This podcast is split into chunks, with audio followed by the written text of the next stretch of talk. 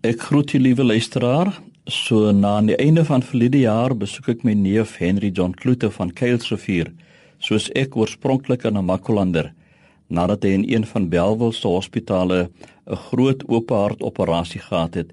Hy is net so oud soos ek, maar sy houding is die van 'n baie ouer persoon. Een keer vra 'n dame vir hom hoe laat is dit meneer en ek voorbarig antwoord en die vrou sê dankie jongetjie. Hy slaap en is baie rustig in sy saal en met sy en met my spesiale leraars identiteitskaartjie word ek toegelaat om 'n paar oomblikke by hom deur te bring.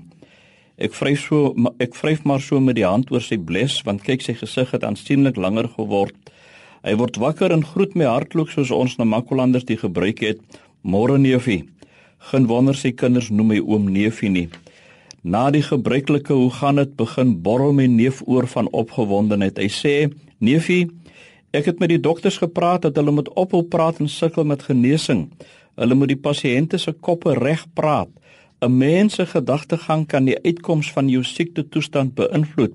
Mense wat soos ek hierdie groot en ernstige operasies ondergaan het, moet hulle self in die geestesoog gesond en op die been besig en plesierig projekteer. Jy moet jou gesond dink. Die sieke trooster gaan toe uit die sieke se saal met 'n boodskap van hoop en bemoediging. My siek en herstellende neef gee vir my 'n perspektief vanuit sy siekbed wat my ernstig laat nadink het. Iets wat ek gereeld met kranke nagmaal en bejaarde besoeke aanwend. Moedig die sieke aan om in positiewe positiewe terme oor sy haar siekte of gevorderde ouderdom te dink.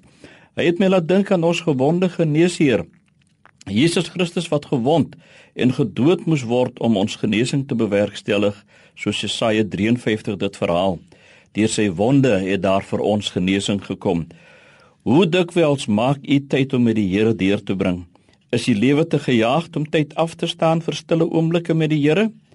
Gebruik dan die tyd wat jy in jou motor deurbring op pad werk toe om op Jesus te mediteer en met hom te gesels. Jy sal verbaas wees oor hoe dit jou sterk maak en innerlik verkoop. Vrede oor jy bring, oor jou bring. Jy sien nie eens die inbarster wat voor jou inforceer in die besige verkeer nie. Dink ook daaraan oor hoe geseënd en bevoorreg jy is om 'n werk te hê.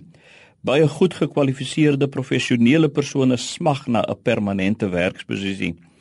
Dink daar daaroor en dank die Here vir wat jy het jou gesondheid, jou vrou met wie jy van jou jeug getroud is, jou kinders en ouers en skoonouers en hou net op om te mor oor die dekselse werk en die stres en onregverdigheid. Bepaal jou denke by jouself en dank die Here vir sy persoonlike betrokkeheid by jou. Dink en bid jou gedagtegang gesond en geniet jou werk in jou lewe. Amen.